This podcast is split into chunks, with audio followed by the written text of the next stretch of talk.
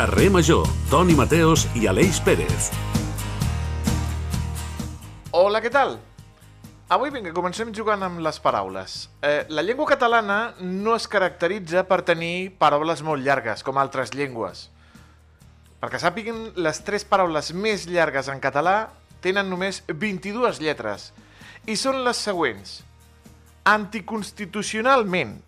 Això ja sabem el que significa, i més darrerament amb la justícia i les seves sentències, anticonstitu... anticonstitucionalment.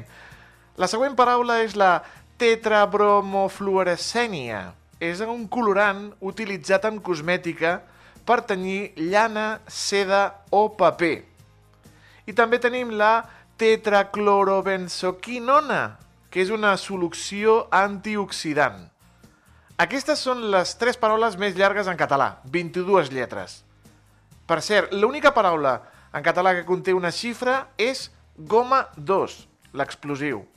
I si ho comparem amb altres idiomes, per exemple, la paraula més llarga en alemany té 40 lletres. I ho intentaré. Telekommunikation Kunststutzverordnung. Molt bé, nivell A d'alemany. Danke, danke schön. Que vol dir regulació de seguretat del client en les telecomunicacions. Telekommunikation Kunststutzverordnung. És la paraula més llarga en alemany. La paraula més llarga en holandès té 37 lletres i no, no ho intentaré. No sigui cas de que la llengua... Ah, per cert, la hipopotomonstrosesquipedofilia és la fòbia a les paraules llargues. Té cunyeta que sigui una paraula de 33 lletres la que descrigui aquesta por a les paraules llargues. La hipopotomonstro sesquipedaliofíbia. Ai. Aleix Pérez, bona tarda. Quina és la teva paraula preferida? Bona tarda, Toni Mateus. Jo crec que la meva paraula, una de les meves paraules preferides és petó. Curta, Petó. 4, molt Curta, bé. concepte, bonica i no fa por. No fa por. A vegades, a vegades recordo quan era petit que mon àvia vine, faig un petó, no, i sortia corrent, però més enllà d'això, en general els petons són, són macos. Espera, que li preguntarem a l'Antonio, que el tenim a l'Antoni Mellado, assentat als Ep. estudis de Ràdio La Selva, quina és la seva paraula eh, preferida. Antoni Mellado, bona tarda. Hola, bona tarda, Toni Mateos. Hola, Aleix Pérez. Què tal com esteu abans de tot, eh? Espectacular. Sí. Encantat Així de temps saludar-te, mentre, sí, mentre sí. penso quina paraula és la que...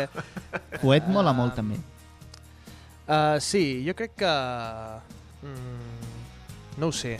Um, espectacular, m'agrada molt. Espectacular, t'agrada De fet, molt. l'utilitzo molt, aquesta paraula. Eh, I és com, no sé, amb l'espec aquest, no sé, et Espectacular. dona una mica de, de ressò. Sí, qui em conegui ja sap que cada dia l'utilitzo moltes, Moltes vegades, i tant, i tant que sí. La nostra paraula favorita aquí al carrer Major és ràdio. La de proximitat, la de qualitat, la que fem al carrer Major.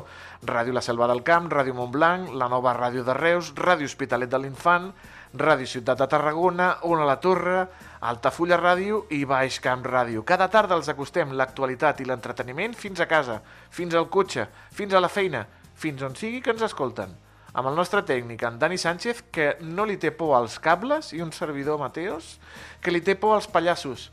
I mira que jo sóc una mica pallasso. Per cert, la coulrofòbia és la por als pallassos. Benvinguts al carrer Major.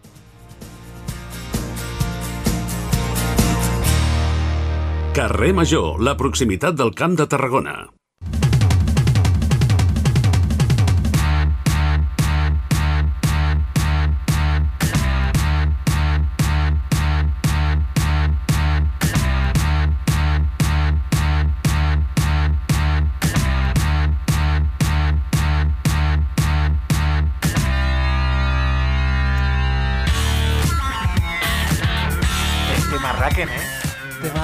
Temazo, no? Temazo. Temazo, no, Aleix? Quina festa per començar, no, els tonis? Eh, on em porteu? Em porteu de rave? Em porteu de... No, ojalà, Oh. tant de bo, tant de bo et portes- et portessin de rave, no, no. No sé si Mm, sobreviuria, eh, amb una mica... amb una nit de Aquí festa no amb sé si... batros. Jo, jo crec que a, a on ens porta l'Antonio, eh, raves no sé si n'hi ha, però festes amb clubs uh, d'aquells amb llumetes vermelles sí que n'hi ha de tant en quant, eh? I que donaran molts diners Sí, a, també, també, a la capital catalana. Estem parlant del Mobile World Congress. Tots els festistes se saben després on recollir-los i on portar-los, de veritat. Eh? Exacte, hi ha les rutes predefinides ja aquests dies, eh? Com dèiem, el MWC torna a Barcelona amb l'edició de 2024, que se celebra des d'avui 26 fins al dijous 29, on s'esperen 95.000 assistents.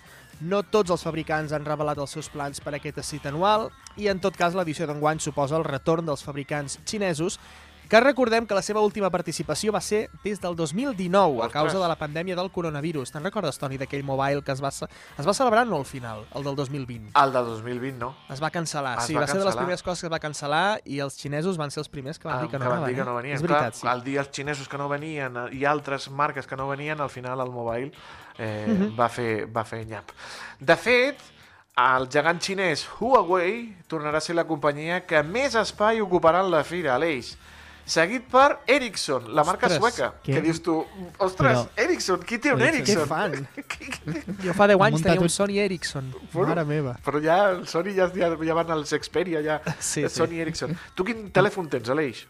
Jo tinc, jo tinc un, un, un Xiaomi d'aquests, però, però, però cutre de, de, de, no sé, 200 euros i, i amb això jo tiro i quan se m'acaba i se'm trenca, doncs un altre, i un altre, i un altre. No sóc massa amant dels telèfons mòbils en general, dels ordinadors i de les consoles sí, però dels telèfons Xiaomi i, i ja.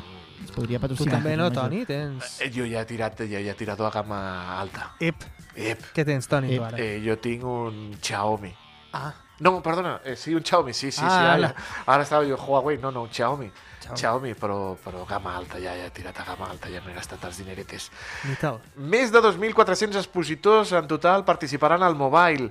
La llarga llista la formaran multinacionals, entre altres com les citades, com hem dit, Huawei o uh, Ericsson. Tindrem Amazon, Airbus, Google, Hewlett Packard, Honor, Qualcomm, Meta, Microsoft, Samsung, STC, T-Systems i ZTE.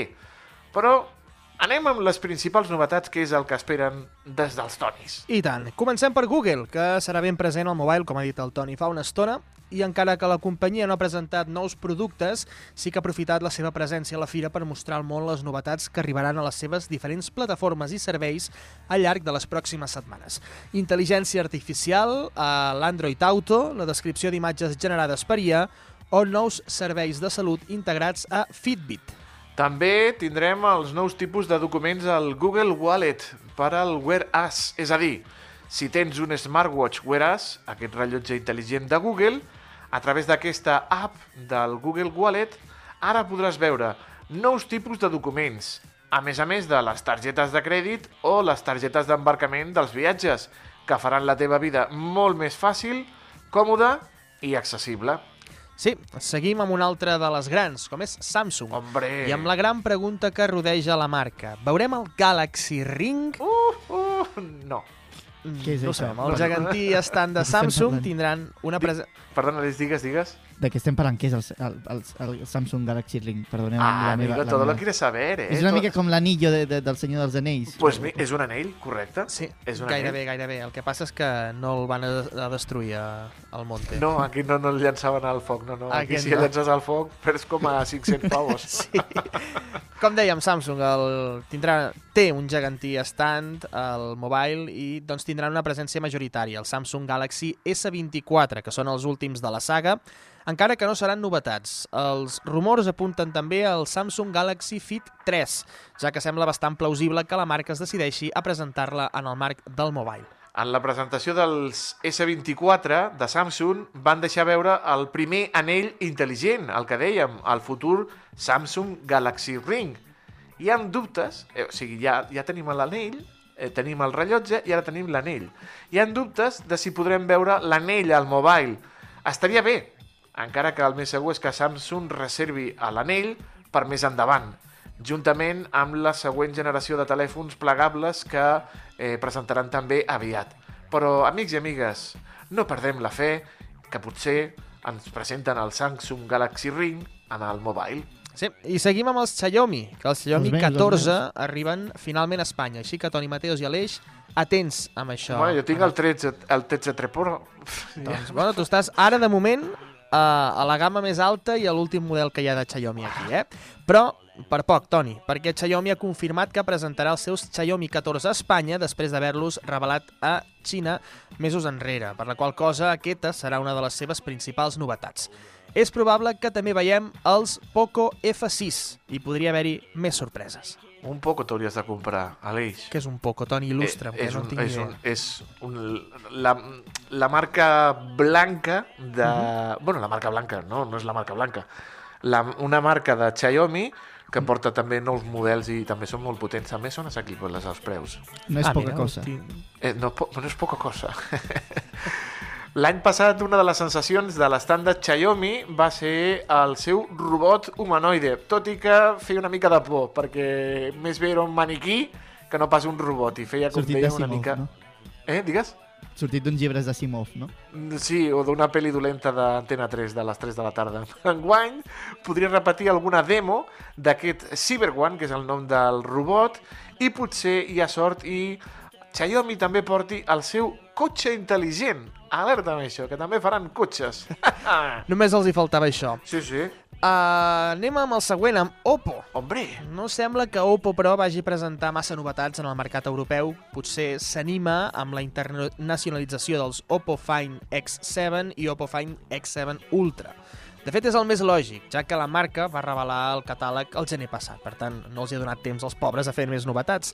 Més enllà d'aquí, el més segur és que Oppo aprofiti per assentar la seva imatge de marca una vegada per aconseguir l'acord amb Nokia per continuar distribuint els seus telèfons intel·ligents a Europa i, doncs, com dèiem, els podrem trobar en aquests eh, 4 dies de mobile. home, eh, és que Barcelona es converteix en l'aparador, l'aparador de, la, de les noves tecnologies durant aquests quatre dies de, de mobile. Un altre que tampoc ha volgut faltar a l'eix és Honor. Honor. Honor. Honor. La marca ha confirmat que hi serà el mobile on faran el llançament internacional de la seva pròxima família, que és els Honor Magic 6 i el Honor Magic 6 Pro. És a dir, el normal i el car, que sortiran a la llum el proper 25 de febrer, eh, que van sortir el, el, el passat 25 de febrer, és ahir.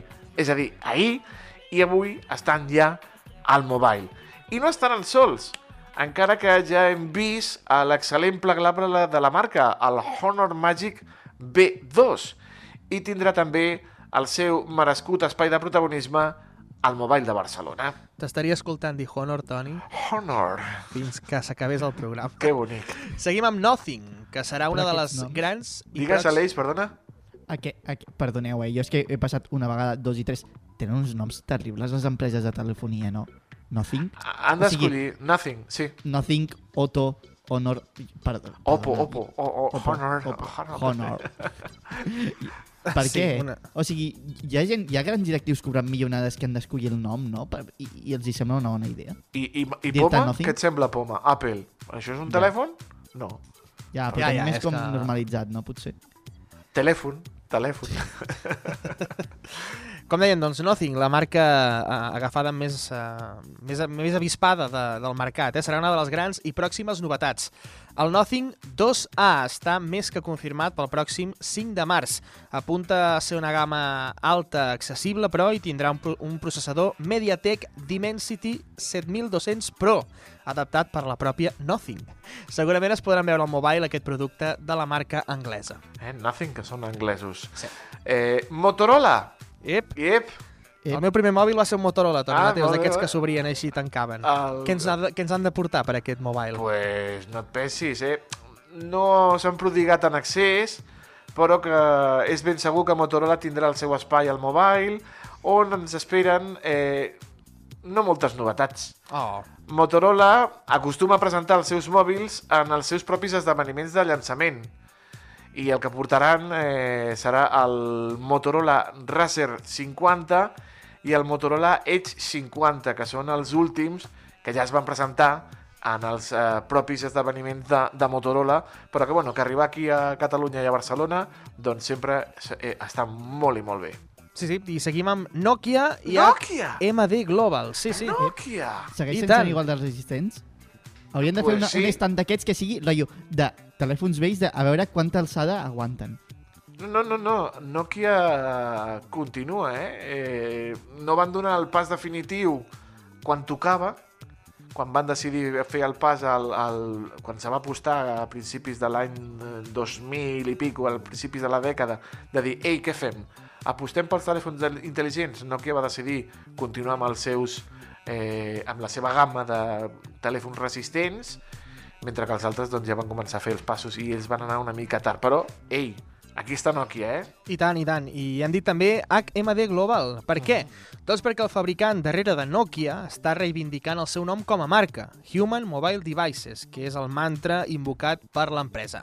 I atès que HMD Global va anunciar que distribuïa dispositius sota la seva pròpia marca, tot indica que el mobile serà el punt de partida per la nova estratègia. Igualment és probable que hi hagi el renaixement d'una vella glòria, ja que HMD acostuma a reviure un Nokia clàssic cada Mobile World Congress, imagina't. Un Nokia al... el Nokia 60 o aquells que... Com, com, com es deien aquells? Uh, jo vaig tenir un Nokia... Tre... Un, 30, un 3310 o alguna així, no? 3310. 3310. Va ser el teu primer mòbil, Toni? No, el meu primer va ser un NEC. NEC, això ja que és Nokia com escurçat. Un NEC que, que semblava una tutxana quan el portava a la butxaca. NEC és el nom d'un cantant. De NEC, sí, sí, exacte, Mare exacte. meva. Laura no de està, Laura buscar, se eh? fue. L'acabo de buscar, és terrible, Toni, això. El què? El El, NEC? el, el NEC aquest. Eh, però És això el que hi havia, no?, en aquella Home, era època. el que hi havia, el 1990... 97 o 98, que va ser quan vaig adquirir el meu primer mòbil. Però tenia memòria i espai rotllo pels No, contactes no, no, i això, no, no, no, no. Trucaven i tu Havies- responies i a veure qui era, no? Exacte, eh, no n'hi havia ni, ni jocs, era per trucar i, Sí, sí, i el bàsic, per trucar i per rebre trucades i ja està. L'agenda i ja està. I després el Nokia, ja, quan va arribar el Nokia i el Motorola, ja van ficar els jocs a la, serp, la SERP, eh? Quines hores hem passat jugant a la SERP, ai, Déu meu. I el Nokia, que segur que obre un calaix i encara hi ha algun Nokia a casa meva amb bateria. I Sony, que va ser un dels primers telèfons de l'Antonio, Sí? Què ha passat, Toni Mateus? Sony Explica'ns-ho. Ericsson Xperia Play va ser present en el mobile del 2011 Oh, i tant. i després, bye bye, ja no han tornat. Sí. Sony no ha tornat, és una llàstima, però Sony ja ha sortit definitivament dels mobiles. Oh, Porta molts anys sense assistir i no presentaran novetats en telèfons intel·ligents. Com hem dit, una llàstima que un gegant eh, com Sony no hi sigui present en, una, en, un, en un esdeveniment tan gran com és el Mobile World Congress. quina llàstima.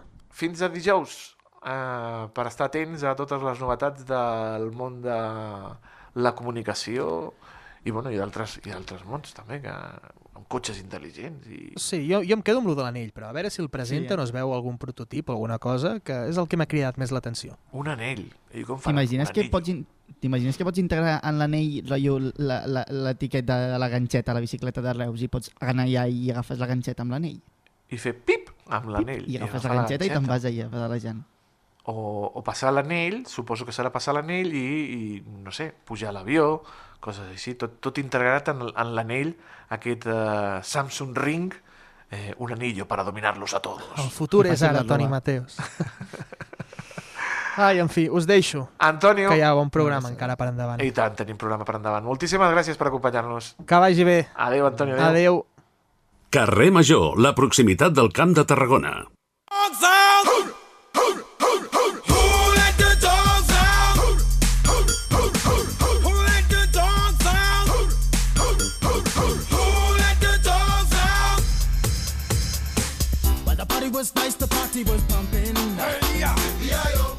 everybody having a ball. Until the fellas started name calling. And the girls respond to the call. I hear a woman shout out. Who let the dogs out? Who let the dogs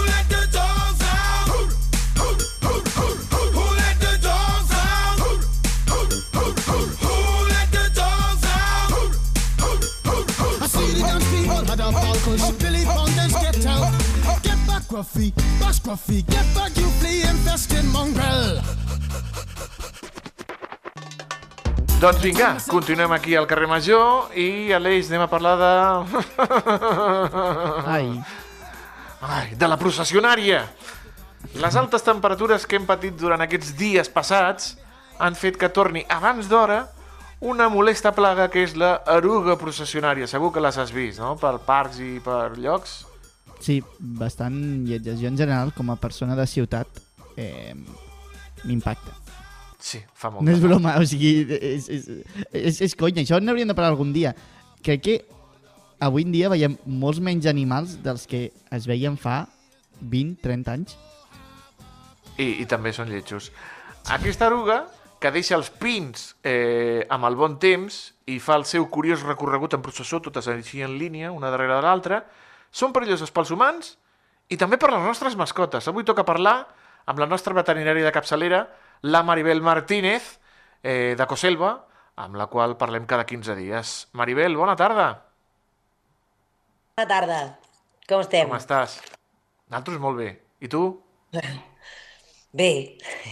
Sí, bé, bé, prou bé. Maribel, una cosa tan petita, tan... poca cosa com l'oruga aquesta i tan perillosa, perquè, déu nhi quines reaccions provoca amb el contacte eh, amb els animals i amb els nens també, sobretot perquè tenen més de 600.000 pèls blancs que són bueno, fastigosos. Sí, sí, amb una n'hi ha prou. I els grans, eh? No només els nens, que, que hi ha gent que s'aventura a tocar-les i, i acaben macos, també. És que això tot depèn de, de cada persona, eh? Però si ets hipersensible mm, pots acabar fatal tocant-les o, o, o només acostant-hi una mica la pulseta. Hi ha gent que, que les, les recull i les crema, doncs el fum que surt també és superurticant quan, quan les cremes. O sigui que sembla mentida, però amb una només n'hi ha prou per, per causar un dany importantíssim. A nosaltres ja sabem que ens irrita els ulls, que ens fa plorar, que ens eh, pot tenir reaccions al·lèrgiques, però en els nostres animals de companyia, ojo, eh? Clar, Cosa que seriosa. nosaltres les toquem amb les mans o, o, o potser ens irriten les mucoses per, per, perquè per l'aire volen aquests pèls que porten una punta amb, un, amb una microgota d'una substància superurticant, però clar, les nostres mascotes el que fan, en general els gossos, eh, perquè els gats ja no s'hi atancen, però mm, clar, ells hi acosten tot el que és el, la zona del musell. Llavors és la trufa al nas, la, els llavis i la llengua, que n'hi ha que fins i tot les llepen o, o els més agosarats, bueno, o descerebradets, diria jo, se les poden arribar a menjar. Llavors, en funció de quina part toqui i, i quanta part toqui, la sintomatologia és més greu. Perquè, et volia preguntar també, Maribel, no sé com, com, com desenvolupen també aquesta mena d'espècies, aquest, aquest, uh, aquest mecanisme de defensa tan, tan, tan perillós o tan irritant pels, pel, pel- pels animals. O sigui, al final també és, és curiós, no?, també com, com aconsegueixen d'una manera, sent tan inofensius, generar un tant malestar als, a les mascotes i a les persones. Precisament per això, com que, com que són unes bestioles que són molt petites, molt toves, i que amb no res, pues, pues, se les menjarien qualsevol, o qualsevol les trepitjaria o el que sigui, pues, pues clar, necessiten... Això al, al món dels insectes passa molt, que, que animalons molt petits pues, són superverinosos i, i només és pues, per això, perquè és l'única manera que tenen de subsistir doncs, i de proliferar, per, i això mm, mm, no patim, que, que prolifera d'una manera bestial, són super... mm, Una vegada tenen aquests nius que són com, com aquestes bosses al- als pins. Allà, allà aguanta el que no està escrit, allà dintre hi ha un, un bona temperatura, no passa l'aire, no, no hi entra l'aigua. Allà estan super, super protegits. Llavors això, fins que elles no decideixen sortir d'allà, doncs, bueno, allà estan super protegides i, i això perpetua l'espècie, està clar. I quan surten, fan aquell caminet així tan estrany, totes seguides, una darrere de l'altra, el que fan és després eh, es soterren per continuar el seu per continuar per, ser, per convertir-se en, en, en larves i tot això, però clar, hem d'evitar no? uh, passejar amb les nostres mascotes per, per zones on, on hi hagi pins o per parcs on hi hagin aquest tipus d'arbres, no? Eh, per evitar-ho el més possible. Sí, clar, perquè mm, tu no li pots explicar al teu gos, mira, això no t'hi atansis. I, en general, quan una vegada ja ho han tocat, mai més, eh? I ells se n'en recorden. Però, però clar, és que és un moment, i en un moment ens podem quedar sense el nostre gos, eh? Perquè realment, si... té- Bueno, nosaltres cada any en tenim un munt de casos, però que- les coses que poden passar de, de més lleu a més greu és o que s'irriti la zona de la boca i la trufa, i llavors això s'inflami, se'ls infla la cara, els ulls, mm, i d'aquí no passa, Mm, després passem per, perquè ja treguin la llengua i, i amb la llengua quan ho toquen la, la zona on aquesta substància urticant entra en contacte es, es, a banda d'inflar-se es necrosa perquè aquesta substància és, mata les cèl·lules que toca. Llavors, mm, mm, ja no són només el, els danys a, a, a, a priori, sinó els danys després, a, a, a, a passats les hores i potser després d'un parell de dies, perquè, mm, perquè en el primer moment potser no te'n dones compte i només s'infla i tot, però després ho has d'anar vigilant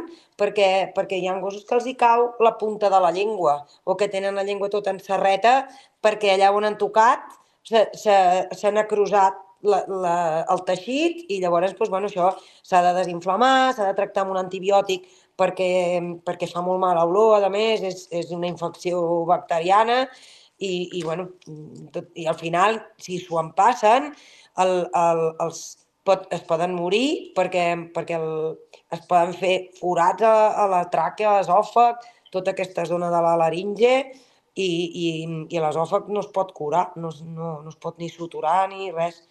I també es poden ofegar, perquè quan s'inflama la llengua, mm, mm, depèn de la, del, del nivell d'inflamació, pot arribar a obturar les vies respiratòries altes. Llavors, mm, què hem de fer?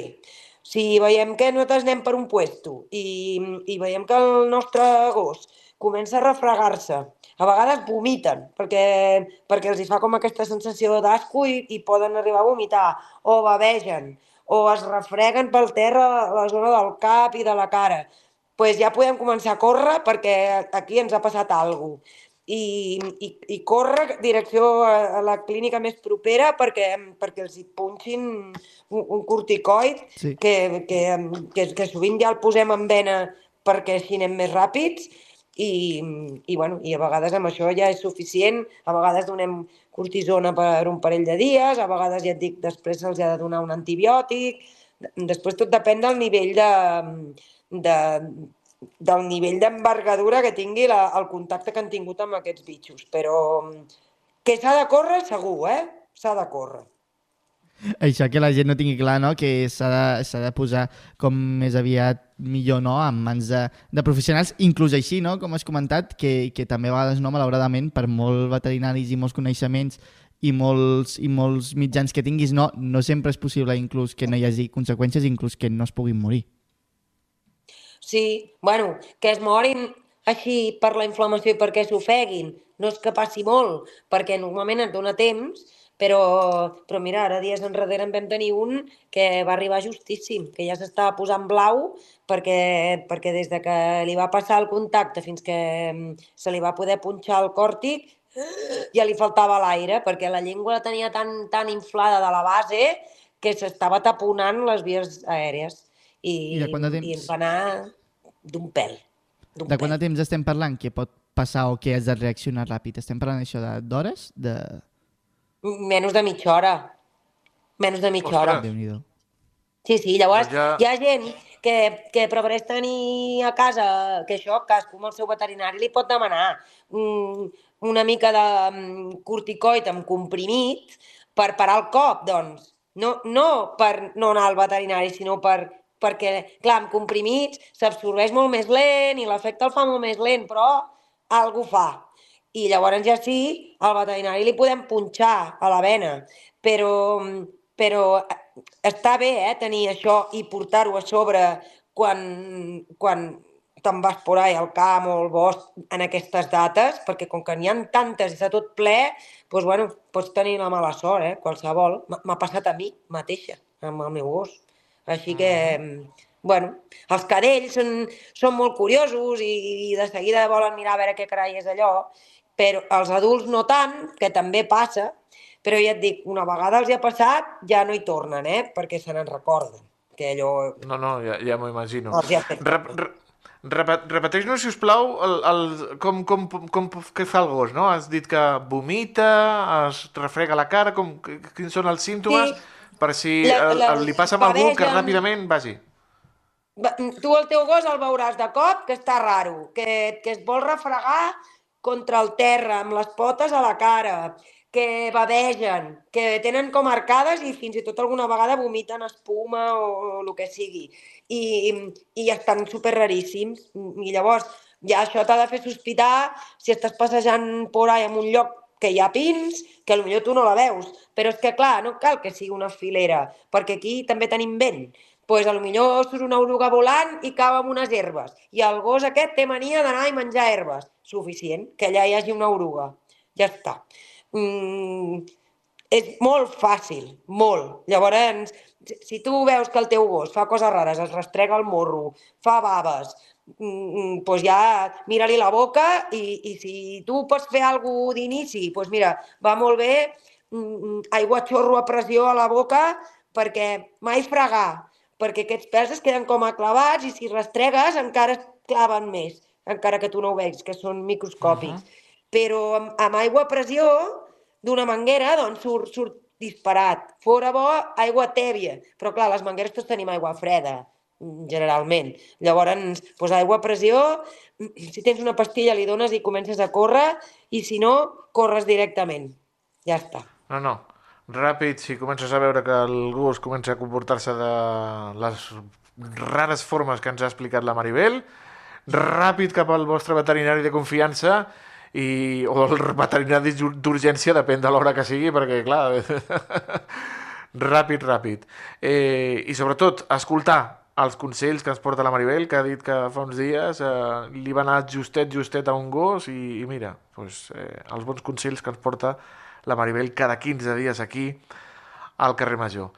Maribel, gràcies, un plaer escoltar-te i, i que tinguis pocs cas, casos d'aquests de, de, la, de l'oruga aquesta del, dels nassos.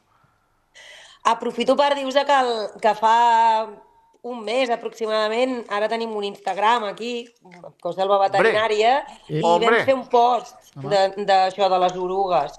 I, i bueno, anem fent, doncs, depèn de l'època que estiguem, doncs anem, anem donant consells de coses. Si ens voleu seguir, doncs... Home, com, com és l'Instagram de, de Coselva? Com és? Coselva Veterinària. Coselva Veterinària. Ja teniu un nou seguidor que és el, el carrer Major i els nostres oients. Maribel, una sempre abraçada. que sempre vagi... va bé que aprendre I tant, home, i tant, eh? Los, los followers, followers. Una abraçada, Maribel. Una abraçada. Moltes gràcies. Vinga, una abraçada a vosaltres. Adéu-siau. Cada tarda de dilluns a divendres fem parada a Carrer Major.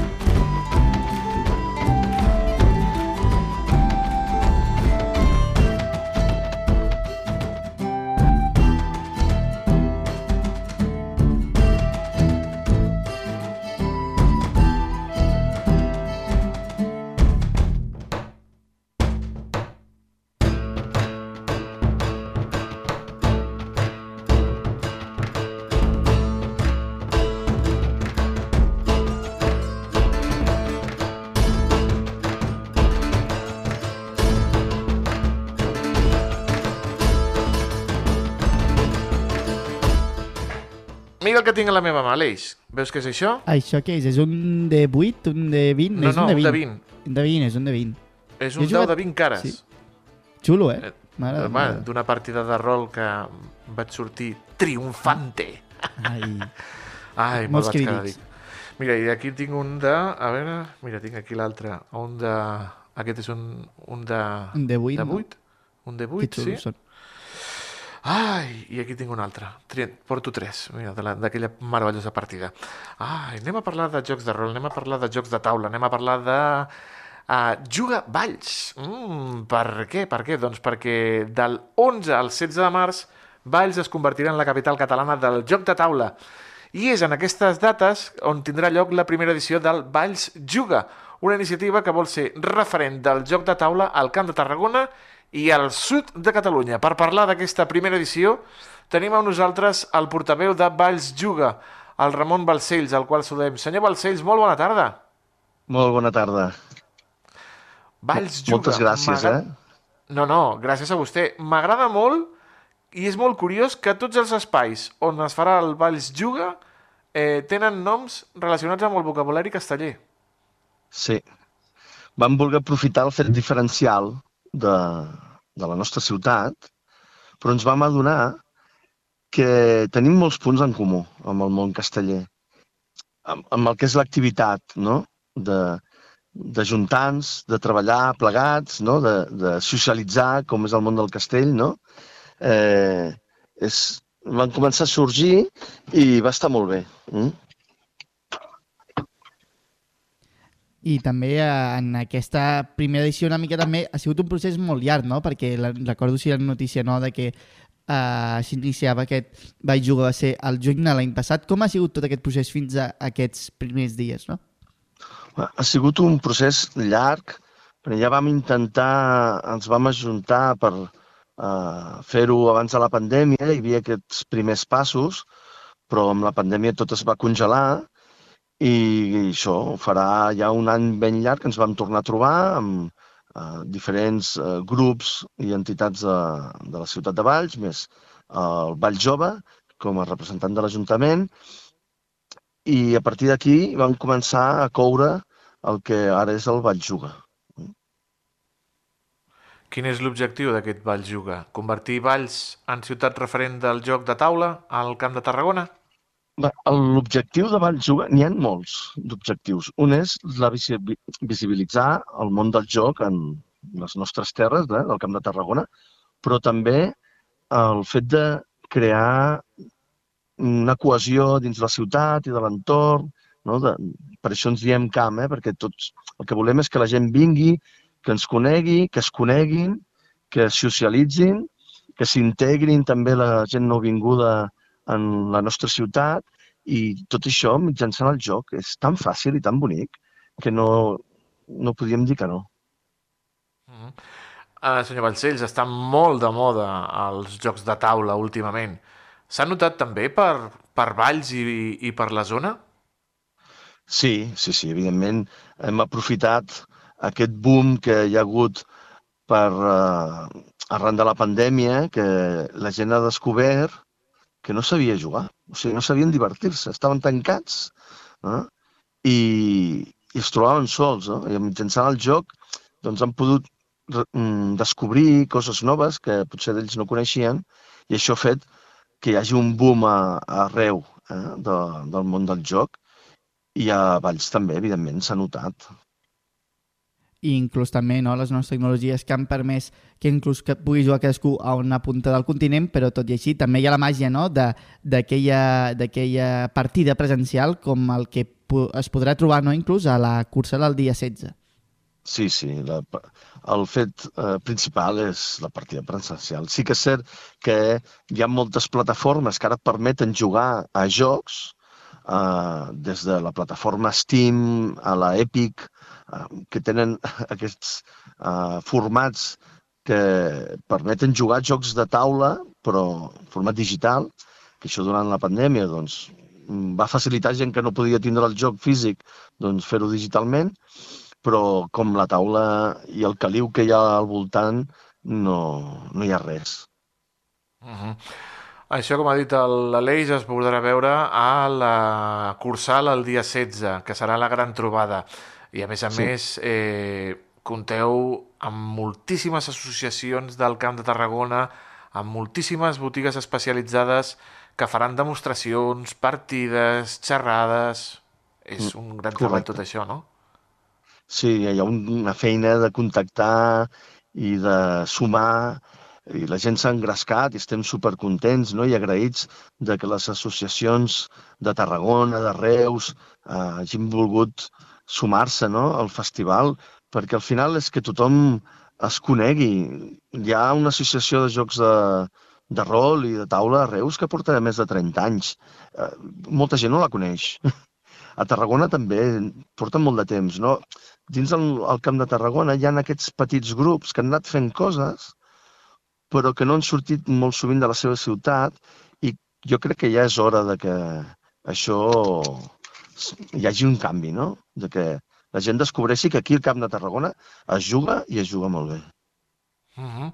I també tindran al seu espai eh, creadors de jocs, eh, que molta gent doncs, ha dit, pues mira, a mi m'agradaria fer un joc de cartes, eh, ho Sí. pensaré.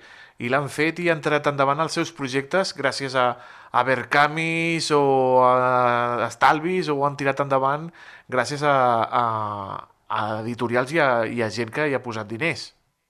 Doncs sí, el, el Vall Juga tindrà dos espais. Un és el cap de, els caps de colla, que són autors que ja han vist publicat els seus jocs, eh, que faran demostracions, o sigui, el propi autor, podràs jugar amb el propi autor. Per exemple, hi haurà el, el Temple Daurat de, de Viteres. Eh, em sap greu perquè el nom és Amitrash, me sembla. És un temple hindú i, i no el vull pronunciar malament, però és el Temple Daurat. Aquest joc hi serà i es podrà demostrar. També hi haurà el joc d'estratègia, un wargame que es diu Valls 1809, per Marc Aliaga, que farà la demostració del joc. I hi haurà un altre espai que és l'assaig, on autors que encara no han publicat els seus jocs els ensenyaran a la gent per fer el que diem eh, aquestes demos, no? aquestes provatures. I que pot estar molt interessant, eh? Potser descobrim Potser un- algun joc que serà un boom a, l'e- a la Fira d'Essen d'aquí un temps. Calla, eh? no, no, que no sigui el proper, el proper mm, Catan, per Catan. exemple. Exacte, Ah, sí, sí, sí. Per què no? I aquesta és la màgia, no? Potser també als jocs de taula i és que no hi ha limitacions, realment no, i és, és una cosa molt transversal que pot ser per tota mena de públics, pot ser per un públic superespecífic amb normes superconcretes i al revés, no? També hi jocs que permetin la, aquesta feina doncs, doncs integradora, no? De, de, de formar part de la gent que està a la partida. Sí, perquè el joc ens iguala a tots. Quan estàs jugant en un joc de taula, tant fa d'on vinguis, qui siguis, eh, la teva posició social, econòmica, te'n fa. Tots som iguals en aquell moment, en aquell joc de taula. I això suma i ajunta i és maco i tothom pot jugar, des del més petit al més gran. En el Vall Juga hem creat aquests espais diferenciats perquè la gent li resulti fàcil trobar el lloc on poder jugar, no? El Colla Nostra, que és l'espai més familiar, eh? on hi haurà jocs a partir dels 7 anys, llavors hi haurà el Pont de Dalt, que és el joc per eh, canalla més petita, no? a partir de 4, i hi haurà diferents jocs, fins i tot exteriors, eh? jocs més tradicionals que s'han perdut. Mm? I a més a més per trencar també aquell estigma no? que porten alguns jocs de rol no? que diuen no, és que mataràs a la gent i tot això. Això per demostrar que Sí, eh, és fals això és de fa molts anys, ja. Eh? Tant en Sí, tant sí, sí, torna a però recuperar-se. encara dura, eh? Encara dura. Encara dura, encara dura. Clar, jo com a autor de jocs de rol, oh, aquest estigma l'arrossegarem, me sembla, molt de temps. Però a poc a poc es va trencant. Jo tinc una filla de 12 anys que juga des dels 4 jocs de rol i li encanta.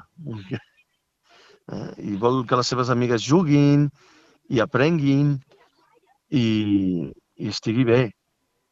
Mm Doncs un bon lloc és aquest eh, Valls Juga de l'11 al 16 de març amb activitats prèvies, però tota la carn a la graella el dia 16 a la Cursal de Valls. Hem parlat amb el portaveu de Valls Juga, el Ramon Balcells, al que li donem les gràcies per acompanyar-nos al carrer Major, i no sé si en, el, en aquesta fira també hem de dir molta merda, no? Li direm. Poques pífies, no?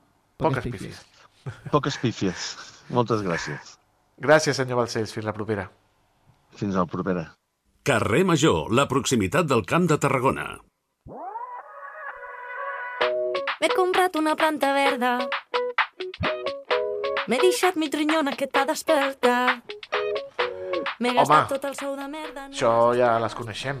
I tant. L'Anna Plaza tant. les volia escoltar, no? Ja venia dient... L'Anna Plaça "Ah, les volia escoltaré". escoltar. Doncs mira, eh, I escoltarem també el David Fernández, que en sap un, un potosí de tot això.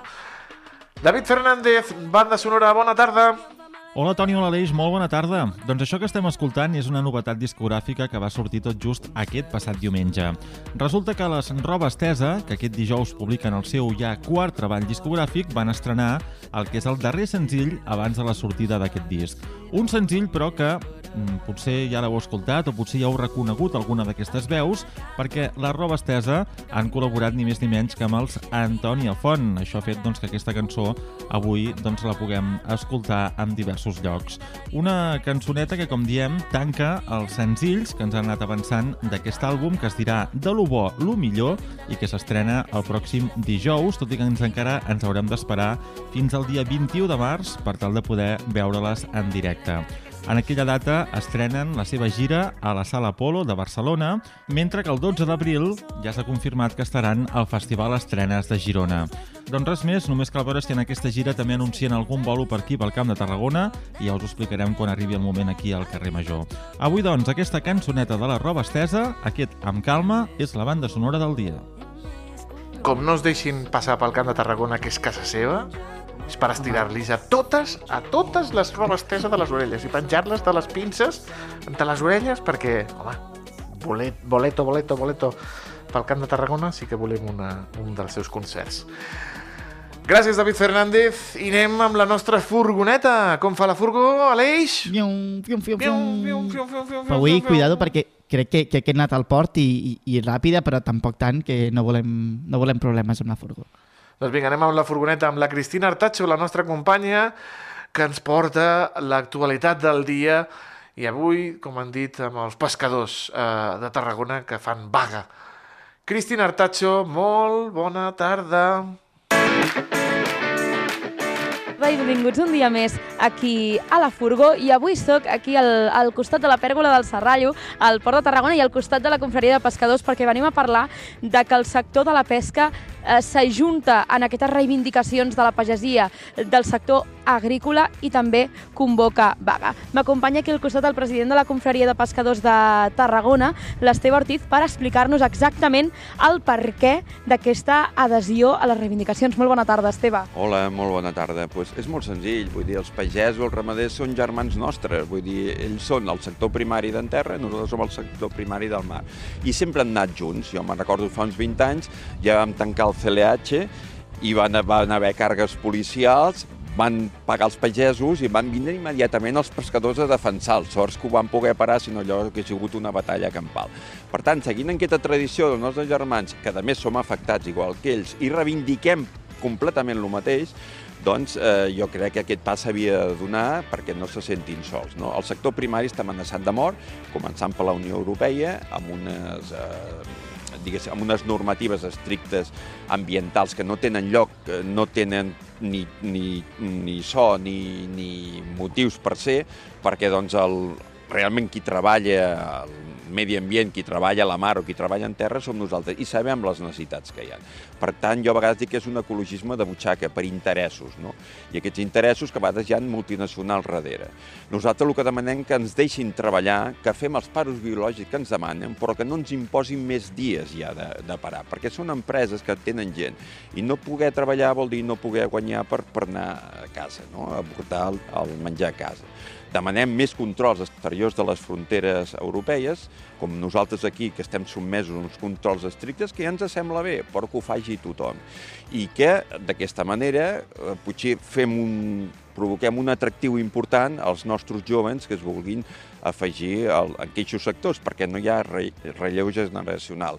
Avui hem vist aquest matí que hi havia altres, eh, altra gent, senegalesos, marroquins, que apoyaven la manifestació. Estem tots a la mateixa barca, tots anem junts. Aquesta gent que venen, que també els deixin treballar, que els hi, dosi, els hi donguin facilitat per treball, perquè així d'aquesta manera potser podem completar i seguir doncs, aquesta tradició doncs, pesquera i els agricultors amb, amb, la, amb la seva. Per tant, demanem que tinguin consciència les administracions al moment de votar segons què, que parlin amb els sectors implicats i que entre tots ho puguem tirar endavant, que al final beneficiarem a la, a la ciutadania, tinguent un peix, un, un, uns fruits de qualitat i no que vinguin de tot l'indret del món sense cap control de cap mena. Aquesta vaga del sector pesquer que s'ha convocat no? des d'aquí s'ha liderat des de la confraria de Tarragona, però el que també s'han adherit altres confraries del, del territori. Sí, sí, bueno, Tarragona té tradició ja de, de convocar, no sé si ja per la seva potència o el que sí, però sí s'ha d'agrair sobretot a Cambrils, a les Cas del Canà i a Torredembarra, que són de la província, que han vingut aquí amb els altres pescadors, aquí hi havia un gran col·lectiu també de, de gent que apoyava això, no? inclús dones dels pescadors, per tant vol dir que, a veure, hi ha moltes famílies implicades que si això no se solventa, en pocs anys, i molt pocs anys, desapareixerà tots aquests sectors en, en benefici d'altres indrets de tot arreu del món que faran el que voldran. I uns quants se n'han anat també cap a Madrid en un autobús a donar suport en aquestes grans manifestacions del sector primari, també. Sí, divendres aquí una mica correcuita, els pescadors de Tarragona van decidir anar a recolzar doncs, el sector primari, no? en general, altres pescadors de l'estat espanyol, més, més els agricultors i, i ramaders. No? Per tant, van fer un autocar, que més o menys, no sé si hi ha exactament uns 40-50 pescadors, que han sortit avui a les dues de la matinada amb una gran pancarta, sobretot reivindicant Tarragona, i nosaltres des d'aquí els hem volgut apoyar amb tot això que estem fent perquè no es trobin sols allí.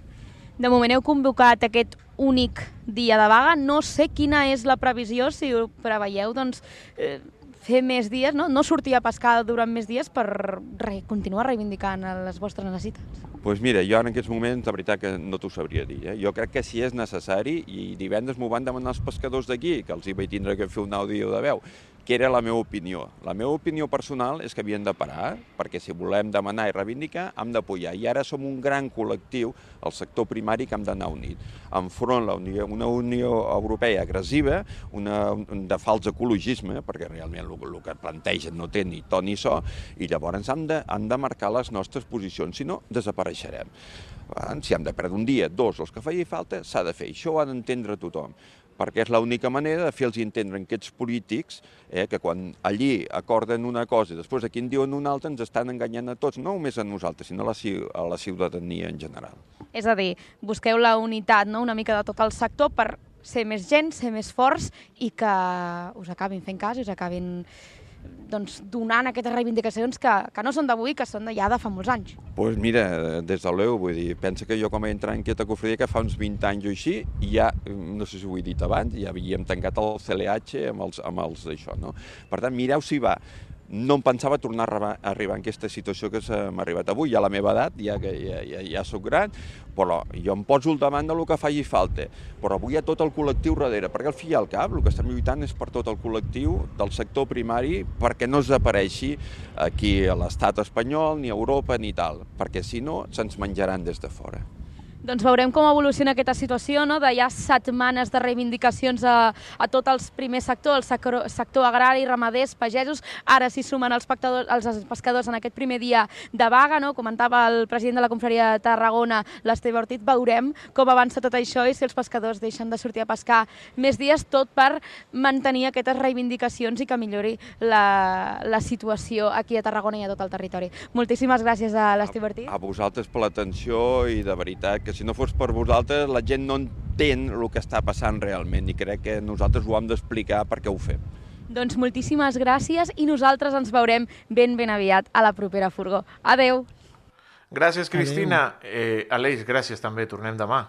Tornem demà, Toni Mateus. Ens veiem. Una, ens veiem. Una abraçada. Fins demà a tothom. Adéu.